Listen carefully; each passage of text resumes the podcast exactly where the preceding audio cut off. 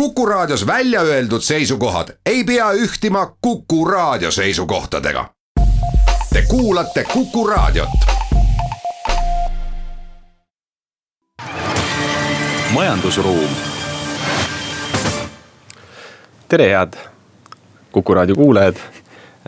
eetris majandussaade Majandusruum ja stuudios ajakirjanikud Lennart Ruuda ja Harri Tuul ja räägime täna kolmel teemal, nagu ikka. ja saate esimeses pooles räägime suurtest äh, ülevõtutehingutest või ostu-müügitehingutest Eesti ettevõtetega, mis ütleme, võrreldes eelmise aastaga on natuke tagasihoidlikumad, aga võib-olla võib-olla ei ole see veel kõik, sest et äh, eelmise aasta lõpus oli selline väike ralli mõnes mõttes sellel, äh, selles valdkonnas. siis ähm, puudutame ka peaminister Jüri Ratase algatatud sellist debatti, et äh, milline peaks olema Eesti maksukoormus. aga ka sellega rööbiti ilmselt äh, debatt, arutleme selle üle, et milline võiks olla selline tasakaalureeglid või, või, või ütleme, laenu, laenamise põhimõtted, et, et praegu oleme, meil on sellised kas me oleme mm, dogmaatilised selles mõttes ja saate teises pooles on meil siis külas Ametiühingute Keskliidu esimees Peep Peterson, kellega räägime miinimumpalgast, et miks siis ametiühingud ise, isekeskis tülli läksid ja, ja miks seda amet ja mi, miinimumpalka üldse tarvis on, et. aga hakkame pihta, et sel nädalal mm, jõudis siis lõpule tehing, millest äh, noh, peab ennast ka kiitma, Postimees kirjutas juba ammu esimesena ja enne, kui üldse sellest keegi tahtis rääkida. nimelt äh, siis pikk Eesti üks äh, selliseid võib-olla ilmselt võimsamaid automüügifirmasid, mis tegutseb üle Baltikumi. Silber auto, mis kuulub Väino Kalda, Kaldojale, et siis leidis uue omaniku. nii see on, et Silver Auto siis ostis äh, Soome selline pika ajalooga automüüja, kes tegutseb siis äh, üle terve Skandinaavia, Veho, et äh, tõepoolest. noh, see annab edasi hästi sellist noh, sagimist ja nagu närvilisust ka nagu autoturul üldse. kui, kui, kui Eesti autoturust ka veel natukene rääkida, et kogu valdkond on nagu väga suure nagu tormi käes, et nagu Väino Kalda ise ka on öelnud, et tulevikutrendid tulevad peale, elektriautod, noh karmistuvad, karmistuvad kliima ja keskkonnanõuded, uued sõidujagamisteenused. üldse nagu auto omamise, tarbimisharjumuste nagu muutumine, et, et jah, kui endal ideid nii-öelda napib raha ka, eks ju, et, et kasvada hõivata nagu järjest suuremaid turge, siis väga nagu mõistlik otsus, et äh, elutöö küll oma selline lapsekene äh, maha müüa, aga, aga tõenäoliselt äh, mõistlik, mõistlik otsus ja, ja ta ise selgitas selle nagu väga-väga kenasti ära, et miks seda teha. aga jah, kui üldse ostmise ülevõtu tehingutest rääkida, et siis sa nagu sa alguses hästi nagu välja tõid, et sel aastal pole sellist meeletut shoppamist olnud, et noh, mõtleme eelmise aasta peale, eks ju, et noh, Utilitas läksin kolmesaja kahekümne miljoni eest välismaa fondile, Nelja Energia mm -hmm. ost Eesti Energia poolt. see oli mis ka suurusjärk isegi pool miljardit, kui panna kokku nii raha kui ka ütleme kohustuste ülevõtmine. just, Luminori laenuportfelli ülevõtmine eelmisel aastal jah, olümpikasiino müük, et eelmine aasta oli ikkagi väga-väga erandlik ja, ja selline eriline aasta. MND turul siis tõenäoliselt. ja, ja paljud need tehingud, mis selles mõttes äh, ettevaatavalt ei tasu seda aastat veel äh, lõplikult kokku võtta, et paljud neist tehingutest toimusidki aasta lõpus, et kui me just mõtleme Utilitast näiteks ja ka Neljaenergia tehingut, et need jäid nii-öelda aasta teise poolde. et see, et selles mõttes me võime ka sellest aast-, sellelt aastalt veel selliseid üllatusi ähm, äh, oodata, et kui niimoodi keskmist joont vaadata, siis on selline tavaline aasta. või noh, selline keskmine, keskmiselt normaalne aasta tegelikult see olnud, et sa, Lennart, vaatasid ka välja, et mis. ütleme, Silver auto meil oli siin üks tehing, aga mis tehingud siin veel on olnud sellel aastal suuremad? Hmm, noh, sel aastal, eks ju, Luminori, LHV ostis Luminori laenuportfelli, siis on. sa mõtled äh, Dansket? jah, jah, just, et see on, äh, okei okay,, nüüd, mis sel aastal on toimunud, sa mõtled seda, küsid? Ja ma küsisin selle kohta. ja õige, õige, õige, õige. Äh, ja siis on, äh, mis siin veel on olnud äh, okei okay,, muidu kõige suurem tehing on meie, tuleb meie enda siis nii-öelda emaettevõtte poolt, et UP Invest müüs oma siis kuulutuste portaalid ka välismaa fondihaldurile Apax Partners, et et kuulutuste portaalid, mis seal on siis KV, City kakskümmend neli ja nii edasi ja nii edasi. osta.ee. osta.ee just, et, et see noh, selle hind ka noh, meie siin oleme pakkunud vist kuskil sada viiskümmend miljonit, aga on, on ka jutte, mis, mis räägivad olulisest suuremast summast, et. aga jah, Raul Kirjanen on siin ostnud USA-s Texas Pelletsi pankrotivarad, selline pelleti tootmise ettevõte üle, üle ookeani. noh, väiksemaid niped-näped ka veel siin, aga kuigi jah, kah tähelepanu pälvinud ostutehingud Sõõrumaa Urmas Sõõrumaa ostis signaali Alexela ostis Õhtulehe. see vist top kümnesse ei mahu jah, eh, noh Starship eh, sai nelikümmend eh, miljonit näiteks ja ka just viimase aja sellistest, kui idufirmadest rääkida, kas oli no, päris suur asi? üldiselt ongi niimoodi, et sellised ülevõtutehinguid, mis on nagu mõnes mõttes paradoksaalne aga on tõsi, et ülevõtutehingute arv hakkab kasvama siis, kui noh, majandusel läheb ka pigem nagu paremini, et. et selle, miks ma ütlen, et see on paradoksaalne, et tegelikult ju firma saab odavamalt kätte tõenäoliselt kriisi ajal, et, et siis võiks osta. võiks noh, minna just ostma, aga, aga jah, niimoodi ta kipub olema ehm, ja, ja, ja teine asi ongi ilmselt praegu on nagu, ongi selline hea aeg just müügi poole pealt, et et hinnad on, hinnad on head, et saab hea hinnaga äh, müüa, et võib-olla, mis üks trend on nagu just nagu, kui ma kaldaja juurde korra tagasi tulen, on see, et, et äh, et sellised üheksakümnendate või kaheksakümnendate lõpust, üheksakümnendate algusest üles ehitatud ärid, et. et, et on noh, päris mitmeid selliseid juhtumeid, kus järgmine põlvkond ei soovi seda äri otseselt üle võtta, et. ja, ja, ja ise oled juba noh äh, ütleme niimoodi, et tahaks ka midagi muud teha, eks ole, ei ole enam valmis täpselt neid riske võtma, nagu sa kirjeldasid ka, et, et siis antaks, otsitaksegi endale võib-olla mõni teine partner, et. et see on ka üks selline trend, mis tõenäoliselt siin äh, lähiaastatel või lähi, lähiajal veel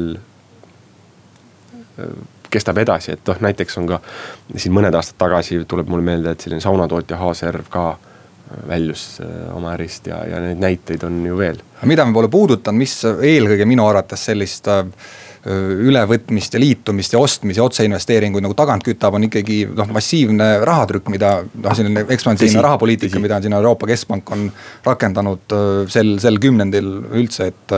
ja ka nüüd, eks ju, novembrist uuesti nagu rahakraanid lahti, et hästi palju sellist raha nagu turul, mis otsib kohta, et ja võib-olla see jõuab ka nagu siis ettevõtetesse mis tegelikult ei vääri seda normaalsetes tingimustes, et see on ka üks noh, teine huvitav teema, mida võiks kunagi ka pikemalt arutada, et. rahastust saavad projektid võib-olla, mis ja. üldse normaaltingimustel ei, ei üle ei elaks nii-öelda. jah, no selle mõju noh, näiteks, et otsitakse selliseid äh, pikemaajalisemaid äh, hea tootlusega ettevõtteid ja Eesti on selles mõttes olnud kaardil, et minu arust on see nagu positiivne, et kui me mõtleme, et äh, Eesti kütu, kütteturg on sisuliselt ongi läinud ju nüüd Äh, suuresti näiteks Austraalia fondide kätte. et üks on Utilitas või noh, ütleme Briti-Austraalia selliste fondide kätte. Utilitas, aga teine on äh, üks selline vähem tuntud, aga tegelikult väga suure haardega Eestis on see Adven mm -hmm. küte. et ka neil on fondid, Austraalia fondid sees, et täitsa huvitav on jälgida, et kui me mõtleme veel Tallinna Vesi on britid suure osalusega ja nii edasi, et, et Eesti sellised Äh, kuidas ma ütlen, kommunaalettevõtted on äh, Eesti, noh maailma suured fondid on leidnud nad üles. juhitakse maa, maakera kukla, kukla poolelt äh, Eesti kütte. ja isegi nii ja no tegelikult juhitakse ikkagi siit. aga selles mõttes on nad üles leitud ja, ja nähakse neis mingit potentsiaali, et väga huvitav, väga huvitavad lihtsalt arengud on toimumas. see, see trend on jah, sa tõidki hästi välja, et Austraaliast ja, ja UK-st ja niimoodi, eks ju, et. just eelmisel aastal lõpus räägitigi seda, et võib täheldada sellist laia maailma raha nagu siia tulekut, et kui traditsiooniliselt traditsiooniline välisinvestor tuleb Skandinaaviast, Soomest, Rootsist, eks ju, siis nüüd tuleb üle nagu laia maailma, et. Luminor on ka ju Black, USA ja just, suurim no, Hiina näiteks ka, et noh, see on nii ja naa, on ju, et äh, kui, kui hea või halb see on, eks ju, selle võib nagu arutada, aga jah, tõesti Magnetic MRO lennukihoolduse ostis Hiina ettevõte, ühesõnaga jah, et see. see kaart on läinud mm -hmm. nagu mhm. tunduvalt laiemaks, et enam ei tule siitsamast nagu meie, meie nagu lähiriikidest, aga jõuab siia siis terve, terve laia maailma raha justkui kuigi noh, Veho näide on, eks ju natukene vastupidine, et äh, tuli, tuli, see tuli nagu Soomest, aga, aga. jah, ega Skandinaavia raha ei ole otseselt nagu kadunud kuhugi. ta ei ole kadunud. vähenenud, aga just tegelikult on positiivne see, et, et USA, Austraalia, ka Hiina mõnes mõttes noh, seal alati tekivad sellised kahetised tunded, aga, aga jah, et noh, noh et see on ikka pigem positiivne, et, et see, et Eestit, Eestisse ei taheta investeerida, et see vähemalt nende näidete põhjal ei pea küll paika. Aga teeme nüüd väikese pausi. majandusruum jätkame saatega, stuudios endiselt ajakirjanikud Lennart Ruuda ja Harri Tuul ja kui nüüd saate esimeses lõigus rääkisime investeeringutest, äh, ostu-müügitehingutest, mis siin Eestis on toimunud ja ütleme, mitte Skandinaavia raha suurenenud huvist, et siis äh, räägiks nüüd ka natukene mak-, maksudest, aga ka eelarvest ja laenudest, et, et ähm, siin ütleme, valitsused tegelikult ma arvan, et isegi viimased kolm-neli-viis valitsust, et aga e-, eriti võib-olla siis Jüri Ratta valitsused, kes on olnud sellise suure probleemi ees, et, et justkui võimuhoob on justkui käes. aga võimu teostamine käib ikkagi läbi riigieelarve ja seal on kõik asjad on lukus, laenu võtta ei saa, mitte midagi teha justkui ei saa ja, ja aga noh, niimoodi ikkagi endiselt äh, Andrus Ansipi ajal äh, alguse saanud sellisele väga rangele eelarve ja äh, poliitikale ja väga väikestele ja ütleme, madala maksupoliitikale on endiselt truuks jäädud. aga millegi, mingil kummalisel põhjusel kuigi valitsus on täiesti teistsugune, ei ole noh, võiks ka ja rahvas on talle mandaadi andnud, et võib ka muuta täitsa poliitikat, et aga nüüd ongi noh ütleme, Jüri Ratas kutsus ülesse äh, arutlema selle üle, et meil ei peaks olema dogmasid. et ma no lihtsalt mõned näited tooks alustuseks, enne kui me sinuga selle arutelu nüüd aruteluni jõuame, et noh, näiteks me oleme olukorras, äh, kus Eestil on Euroopa Liidu kõige madalam riigivõlg, aga samal ajal me ei saa laenu võtta. ehk siis sellest madalast riigivõlast ausalt öeldes mingit suurt tolku nagu ei ole ju või teine näide, eks, et äh, riigieelarves on tõsiseid probleeme, me vajame raha, ma ei tea, hariduse jaoks, vajame politseinikele, kõikidele vajame raha. ja ometi planeerib val-, valitsus maksukoormuse langust järgmistel aastatel, et äh, noh, sellised veidrad, natukene absurdsed või, või noh, sellised paradoksaalsed olukorrad on meil, et. no aga Jüri Ratas nüüd lükkas sellise maksudebati käima oma, oma Facebooki postitusega, et noh, see ikkagi äh, selle nagu kaugem eesmärk on ikkagi tekitada selline nagu noh, see on nagu poliittehnoloogiline võte, et tekitada selline foon äh, mingiks tõenäoliselt nagu maksutõusuks, ma arvan, et nad tahavad ikkagi nagu seda teha, et sealt äh, kumas läbi ikkagi arusaam, et peame ühed nõrgemaid järgi aitama ja peame seda rikkust ümber jagama, mis sisuliselt seda, seda, seda, seda maksutõusu tähendab tõenäoliselt. Ja, ja see, see nii-öelda see mitte noh, ta valis selleks sellise pehme, pehme tee, et mitte, et me nüüd tõstame siin tulumaksu või käibemaksu kaks protsenti, eks ju. aga, aga algu-, algatame siis nagu debatti, et mida võiks teha, et mida, mida, missugust, missuguste makse no, võiks nagu liigutada nagu üles või alla, aga see ikkagi, aga see, see, see, see nagu eeldus või, või, või see soov seal taga on ikkagi nagu makse tõsta tõenäoliselt. sellepärast, et see annab ka neile eelarveliselt äh, seda, seda nagu ruumi juurde, et mingeid poliitikaid ellu viia, noh nagu sa tõesti hästi välja tõid, siis ollaksegi sisuliselt pantvangis, mitte midagi teha ei saa jah no,. eelarvereeglid, karmide eelarvereeglite tõttu ja sellepärast ongi vaja kuskilt lisavahendid saada, et no minu arust on see nagu igati loogiline, ma imestan, et see alles kuidagi nüüd nagu mängu tuleb, et sellest võiks nagu. sellest ammu nagu rääkida, et see on see. no Jüri Ratta esimene valitsus sai ju kõvasti kõrvetada, kui nad üritasid mingeid makse tõsta, oli laual oli automaksu idee ja suhkrumaksu. noh, suhkrumaks on nii ja naa, aga automaks on, ütleme mujal Euroopas üsna selline mõistlik ja kasutusel olev asi, teine on näiteks äh, varamaksud, mida mujal maailmas, Euroopas väga levinud kasutatakse, et meil on see täiesti tabuteema, et, et, et maamaksu maksta, noh, et see ei tule kõne allagi, et, et sellised väga veidrad, veidrad tabud on meil või siuksed teemad, mille üle me ei taha nagu arutleda, et selles mõttes mina olen ka selle poolt, et. et nüüd küsimus, et kui me vaatame ju ka maksudele otsa, et meil on väga kõrged, tööjõud on väga kõrgelt maksustatud, et. et, et noh kui ta võtaks nüüd oma palgalehe nagu lõpuni välja, et kui palju sealt sotsiaalmaksu makstakse, kui palju äh, tulumaksu läheb maha, et noh, et kuskil nelikümmend protsenti, lisaks viite veel kakskümmend protsenti poodi on ju. et kuskil pool keskmise perekonna äh, sissetulekust, pool läheb maksudena, seal aktsiisid veel kütusele ja nii edasi, et läheb kõik eelarvesse, et, et see niipidi mõeldes nagu ei olegi kusagilt enam ju noh, makse tõsta, samas ilmselt neid kohti ikkagi on, et ähm, varamaksud ja, aga, aga üks probleem veel, et me vaatame nagu seda maksutõusu justkui see oleks nagu mingi riigi asi, eks aga tegelikult on ju meil mingi ootus äh, valitsusele, riigile, avalikule teenusele. et tegelikult me võiks ju omavahel kokku leppida, kuule, hea küll, et äh, noh, maksame jah natuke rohkem, aga me tahaks seda teenust äh, näiteks saada. või siis vastupidi kokku leppida, et näiteks, et, et arstiabi, ainult esmane arstiabi on, eks ole, meil tasuta. aga kui tahad midagi suuremat, et siis oled, maksad ise ja siis maksukoormust langetada ka see on kokkulepe, aga mulle tundub, et noh, et, et me pigem tahaksime ju sellist natukene skandinaavialikuma mudelit. aga Skandinaavia mudelik tähendabki seda, et see on ühiskondlik kokkulepe, me lepime niimoodi kokku, et see on meile, see on meile kõigile kasulik mitte see ei ole mingi riigi asi või mingi valitsuse asi, et see on tegelikult meie kõigi asi, et, et kui me selles võtmes hakkaks arutama neid asju, et siis me teeks kvalitatiivse hüppe kui ma neid kommentaare vaatasin seal Jüri Ratase üleskutse all, siis noh seal saadi sellest asjast ikka niimoodi aru, et missuguseid kõiki makse ikkagi tuleks uuesti nagu veelgi langetada Eestis, et. noh, räägiti seal nagu käibemaksust, mis on äh, ikkagi ka Eestis päris kõrge Euroopa mõistes. Äh, mida, mida võiks langetada, minu arust siin ühe suure toiduketi juht võttis just sel teemal sõna, aga aga ei, absoluutselt, et, et, et sul on, sul on nagu õigus, et kus, kuhu, kuhu poole see võiks nagu liikuda, tõenäoliselt ongi äh, nii-öelda nagu vara, varamaksud, kinnisvara, automaksud, nii-öelda. noh, mitmed ettevõtjad on isiklikult öelnud, lihtsalt on, on, ongi nõus selle eest nagu rohkem maksma, et nii-öelda. luksus laiemine kui selline suurema, suurema maksukoormuse alla. Et ma, ma ise arvan ka, et tõenäoliselt tulumaksu, käibemaksu keegi siin valitsuses nagu tõstma väga ei hakka ilmselt Ehm. pärast ka seda sellist segadust siin no, okay. maksuvaba tulu suurendamise ümber, mida, mida, mida siin äh, Jüri Ratase esimene valitsus, äh, valitsus tegi ja. noh, sotsiaalmaksu ka tähendas samamoodi, et vananeva ühiskonna juures äh, nii-öelda pensionite ja tervishoiukulud, ma ei näe, et need kuskilt, eks ju nagu langema hakkaks, et sinna, millest seda sotsiaalmaksust, millest seda rahastatakse, tõenäoliselt keegi selle kallale ilmselt ka ei minda.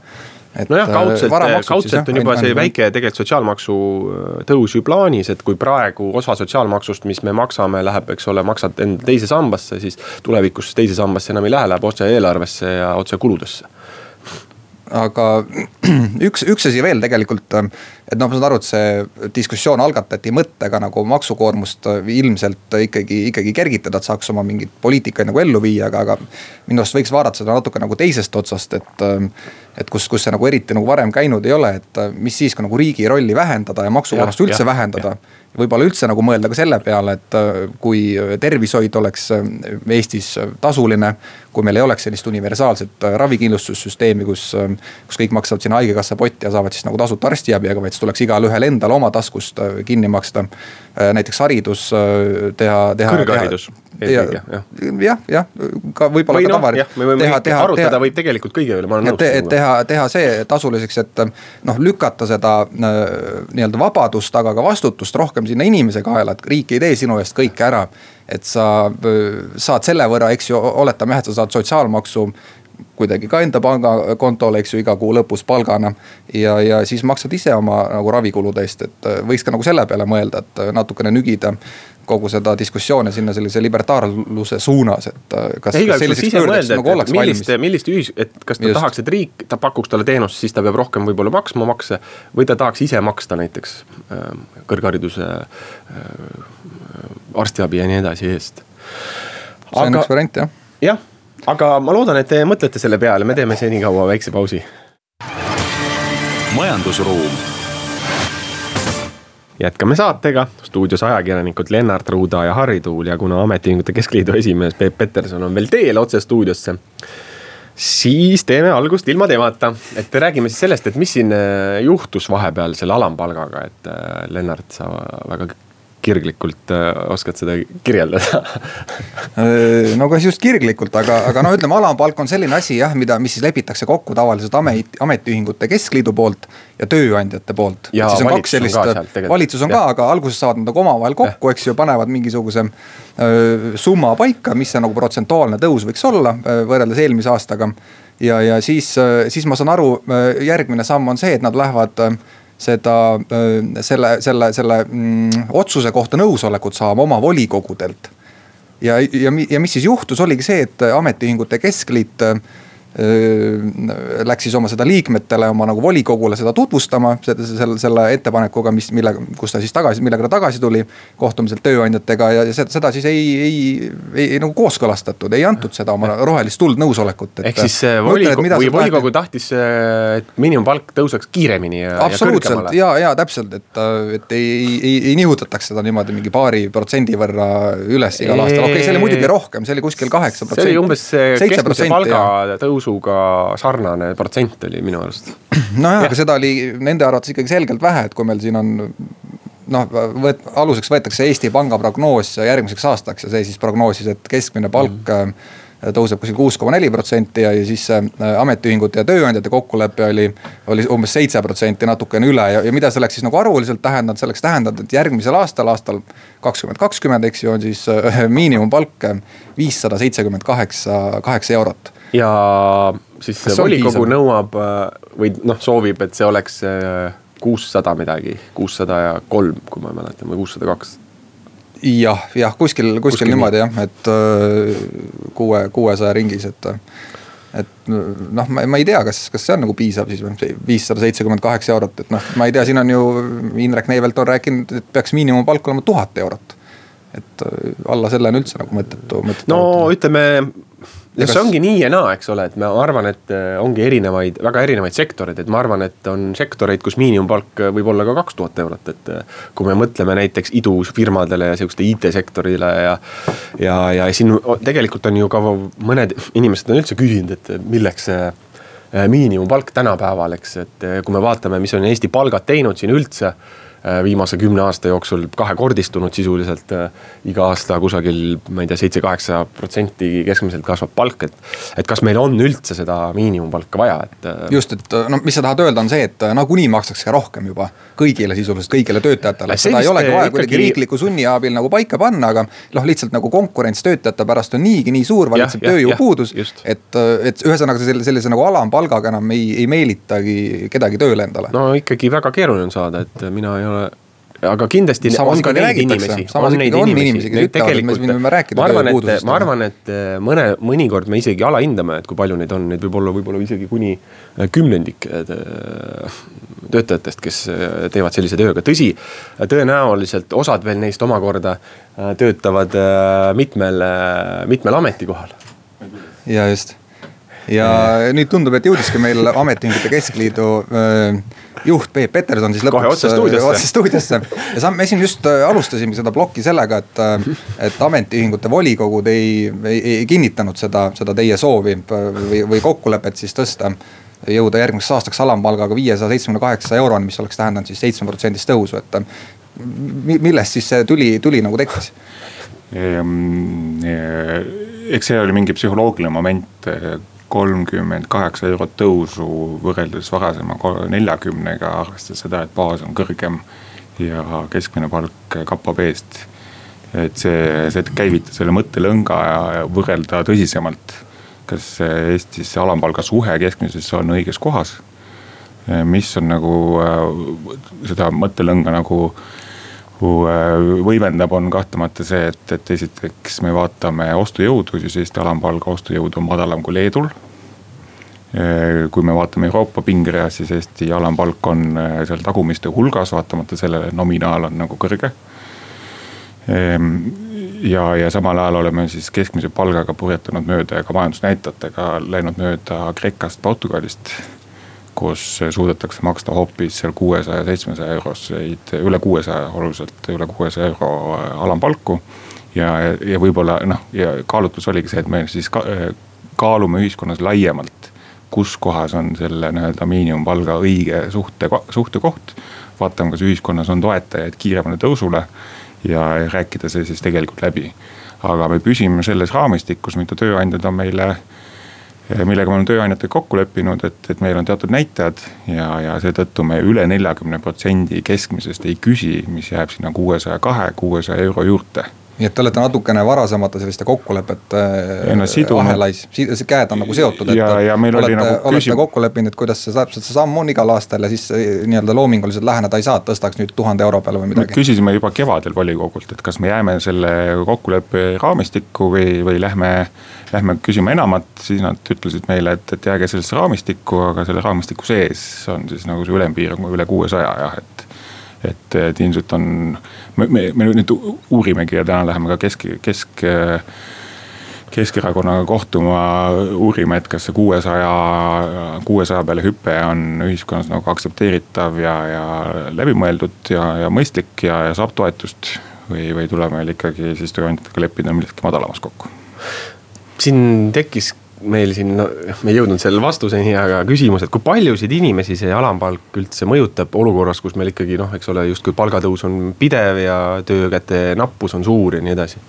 Ehm, meil oli hommikul äh, kiire vestlus sotsiaalminister Tanel Kiigega, kes, kes oli ise uurinud ka neid numbreid ja mm, -hmm. ja ta tõi välja selle, et tegelikult alampalga saajate hulk on vähenenud ehm, seda kinnitab ka näiteks tööandjate poolt läbirääkimisdelegatsioonis olnud G4S-i juht kes ütleb, et no aga tegelikult selle miinimumpalgaga ju tööle kedagi ei saa, eriti siin äh, Põhja-Eestis. Äh, ehk siis tegelikult jah, see pigem nagu ütleb seda, et, et see alampalk on jäänud äh, maha oma, oma tegelikku funktsiooni hakkab siin Põhja-Eestis vähemasti minetama. mis omakorda nagu julgustab meid rohkem küsima mm. -hmm aga no see... aga miks te ei küsi rohkem, et miks see, miks see nagu tuleb ikkagi nii, nii nagu raskelt, me alati räägime siin ikkagi mingist paarikümnest, no okei okay,, natukene rohkem eurost, mis see alampalk igal aastal tõuseb, aga.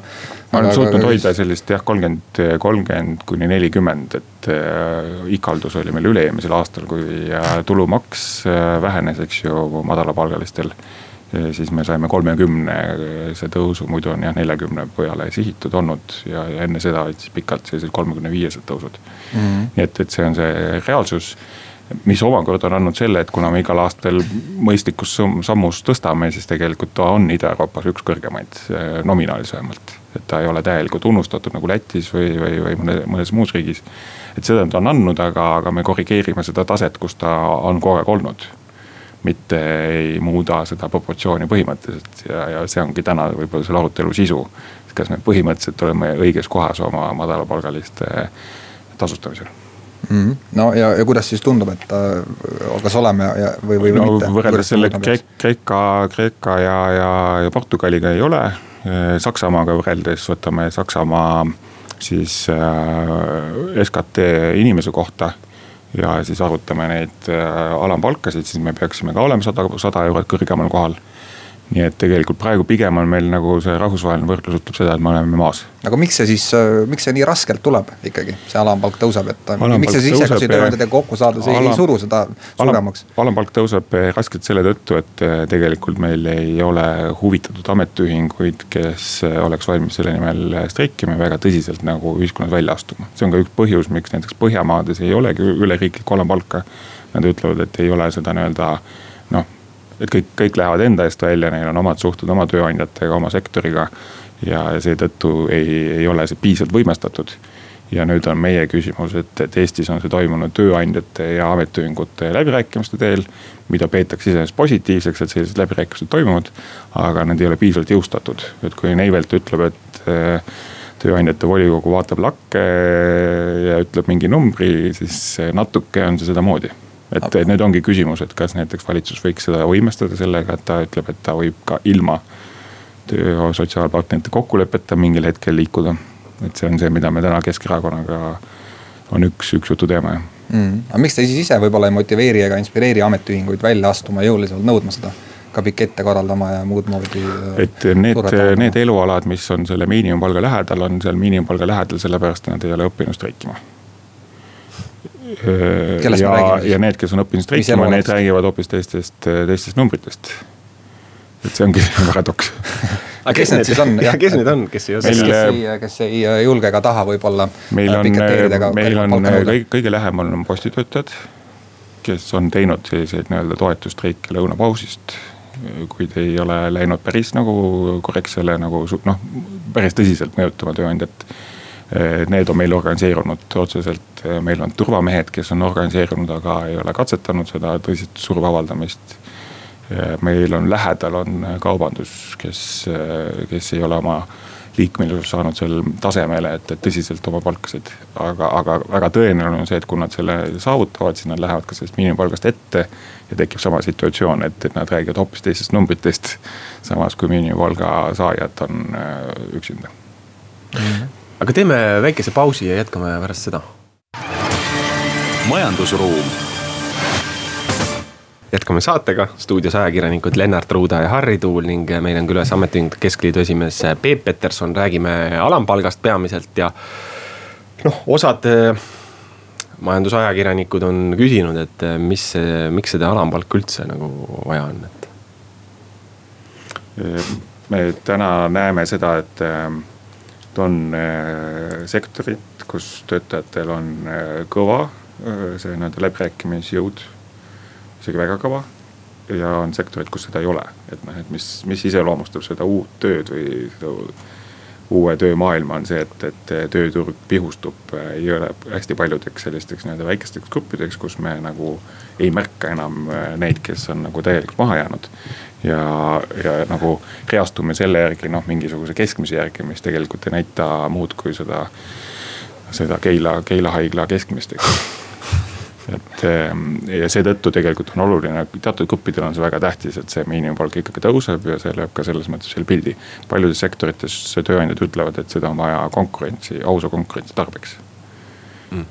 me küll oleme soovitanud siis minna pigem oma sektori alampalkadele, mis lööb seda konkurentsi veel paremini ausaks, aga, aga see dialoog nagu usaldus partnerite vahel tekib tasapisi, võib-olla kunagi jõuab kaugemale viimati meie nagu ümbruses on äh, Läti ehitusettevõtted ja Läti ametiühingud jõudnud selleni, et nad on konkurentsi huvides äh, kehtestanud endale oluliselt kõrgema miinimumpalga, mis äh, minu mäletamist mööda on kuskil seitsme-kaheksasaja euro juures.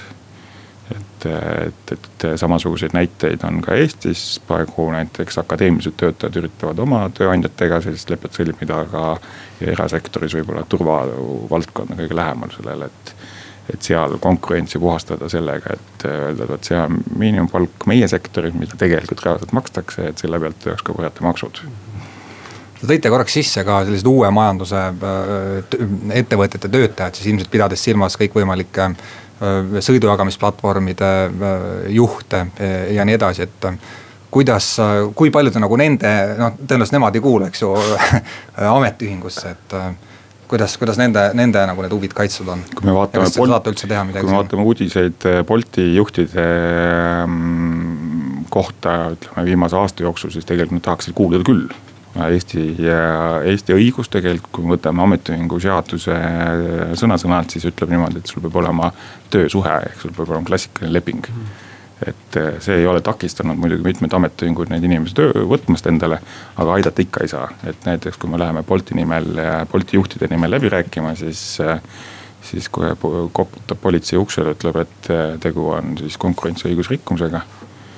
ehk siis see on üks suur debatt, mida me tegelikult ei aja mitte üksi Eestis, vaid me räägime seda Euroopa Liidu tasemel erinevates institutsioonides, et tegelikult see nii-öelda töötaja mõiste tuleb lahti laiemaks tõmmata mm. -hmm. see puudutab nii neid sotsiaalkaitset, eks ju, kuidas me töötuse korral neid aitame, kuidas me neid haiguse korral aitame, pensioni kogume aga see puudutab ka tegelikult kollektiivseid õigusi, et kui sa kuuled raadiost, et sinu treifi on langetatud kaks korda. kuidas sa saad, kuidas sa oma sõnumi siis vastu, vastu annad, et kas see on ainult turupõhine, et ma kolin sealt ära lootuses, et on teisi kohti või on eh, kogu sektor sellises nii-öelda mm. alapakkumise tuhinas on ju, teevad dumpingut üksteise vastu ja töötaja maksab seal kinni. et eh, neid, see tegelikult on tõsine teema kogu Euroopa tasemel, et, et ka need platvormitöötajad peavad saama endale kollektiivsed õigused. kui palju üldse praegu amet, Eestis ametiühingutes liikmeid on? Eestis ametiühingutes on liikmeid eh, üle viiekümne tuhande, meie hinnangul me kõiki ei näe, meie liikmeskonda näeme kahekümne viie tuhande peal aga on, on jah neid ametiühinguid, kes meile ei kuulu, nii et, et umbes viiskümmend tuhat. Eh, mis teeb muidugi protsendi mõttes sellise nii-öelda eh, Prantsusmaast natuke taga oleva üks vähem, vähem organiseerunud. mis jällegi on selline keskmine näitaja, et tegelikult on meil mingid valdkonnad, kus on liikmeskond Skandinaavia tasemel. Et Aga mis, mis mis trend on nagu ikkagi allapoole. mis see trend, jah, mis see trend on, ma tahtsin. inimesed ei taha, ei taha ikkagi ametiühingusse kuuluda. meie, meie ametiühingu keskliidu taustal on see, et äh, püsib. et tuleb peale sama palju, kui läheb pensionile, ütleme nii aga kuidas, ma ei tea, maailmas on ametiühingud? ametiühingu, kui võrrelda seda muude. et ametiühingu üldine trend on äh, miinuses ülemaailmselt. aga jällegi erandid on näiteks äh, soo-, ütleme Rootsi ja kontoritöötajate kõige kiiremini kasvav äh, ametiühing maailmas on siis Union, Unionen on tema nimi. ja ta just tegelebki kontoris IT, raamatupidamine, PR, mis iganes sellised kontoritööd. ja see kasvab nagu plahvatusliku tempoga, et, et see, ta, ta tõestab seda, et tegelikult nendel inimestel on huvisid, mida siis ametiühingul sel viisil lahendada.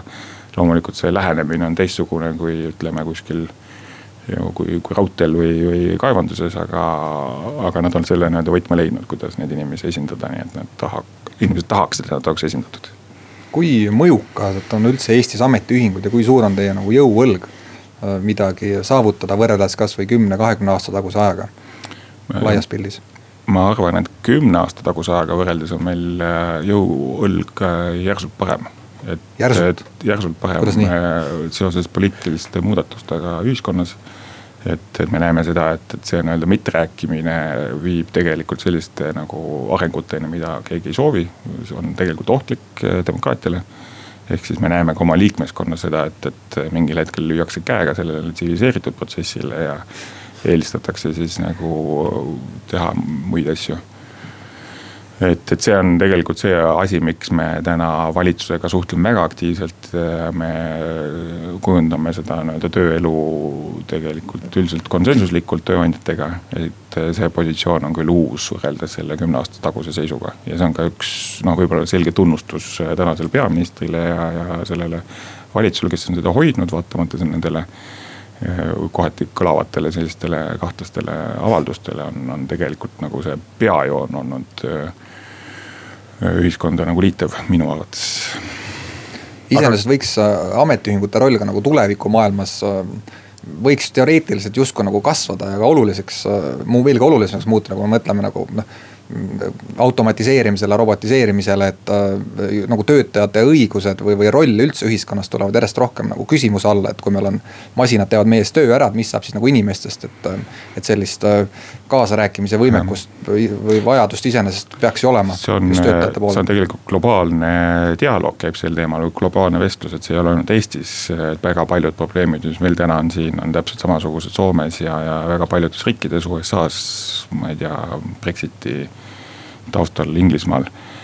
et äh, ja, ja selles suhtes võttis siis ILO, mis on siis tegelikult äh, tööandjate, ametiühingute ja, ja valitsuste selline ülemaailmne kokkusaamiskoht. Nad võtsid suvel vastu siis uue töödeklaratsiooni, kus nad ütlevad, et tegelikult see dialoog on hädasti vaja, sest vastasel juhul äh, käivituvad mingid protsessid, mida, mida nagu osapooled ei kontrolli et, et pigem on jah, nad. ühesõnaga kokkulepped selle kohta, mis saab inimestest siis, kui targad masinad teevad meie töö ära. Jah, seda tuleb reguleerida, et on siis võimalus see, et me hakkame tööaega vähendama, kui see tegelikult juhtub. paljud uuringud ütlevad, et töö hulk ei vähene. et äh, lihtsalt tulevad uued tööd, kuidas toimus nagu üleminek, eks ju, sellelt nii-öelda tänaselt töökohalt uuele töökohale, see kõik on nagu protsess. mida peaks nagu haldama ja seda peab tegema nagu siis niimoodi, et töötajad on ka nagu pildis aga, aga jah, suur väljakutse ongi see, et, et kui töötajad ei ole ühingus ja ei suuda väljendada ennast ühe häälega, siis, siis see on probleem tõesti aga aitäh, peame lõpetama. stuudios olid ajakirjanikud Lennart Ruuda ja Harri Tuul ning külas Ametiühingute Keskliidu esimees Peep Peterson. kohtumiseni majandusruumis järgmisel nädalal. majandusruum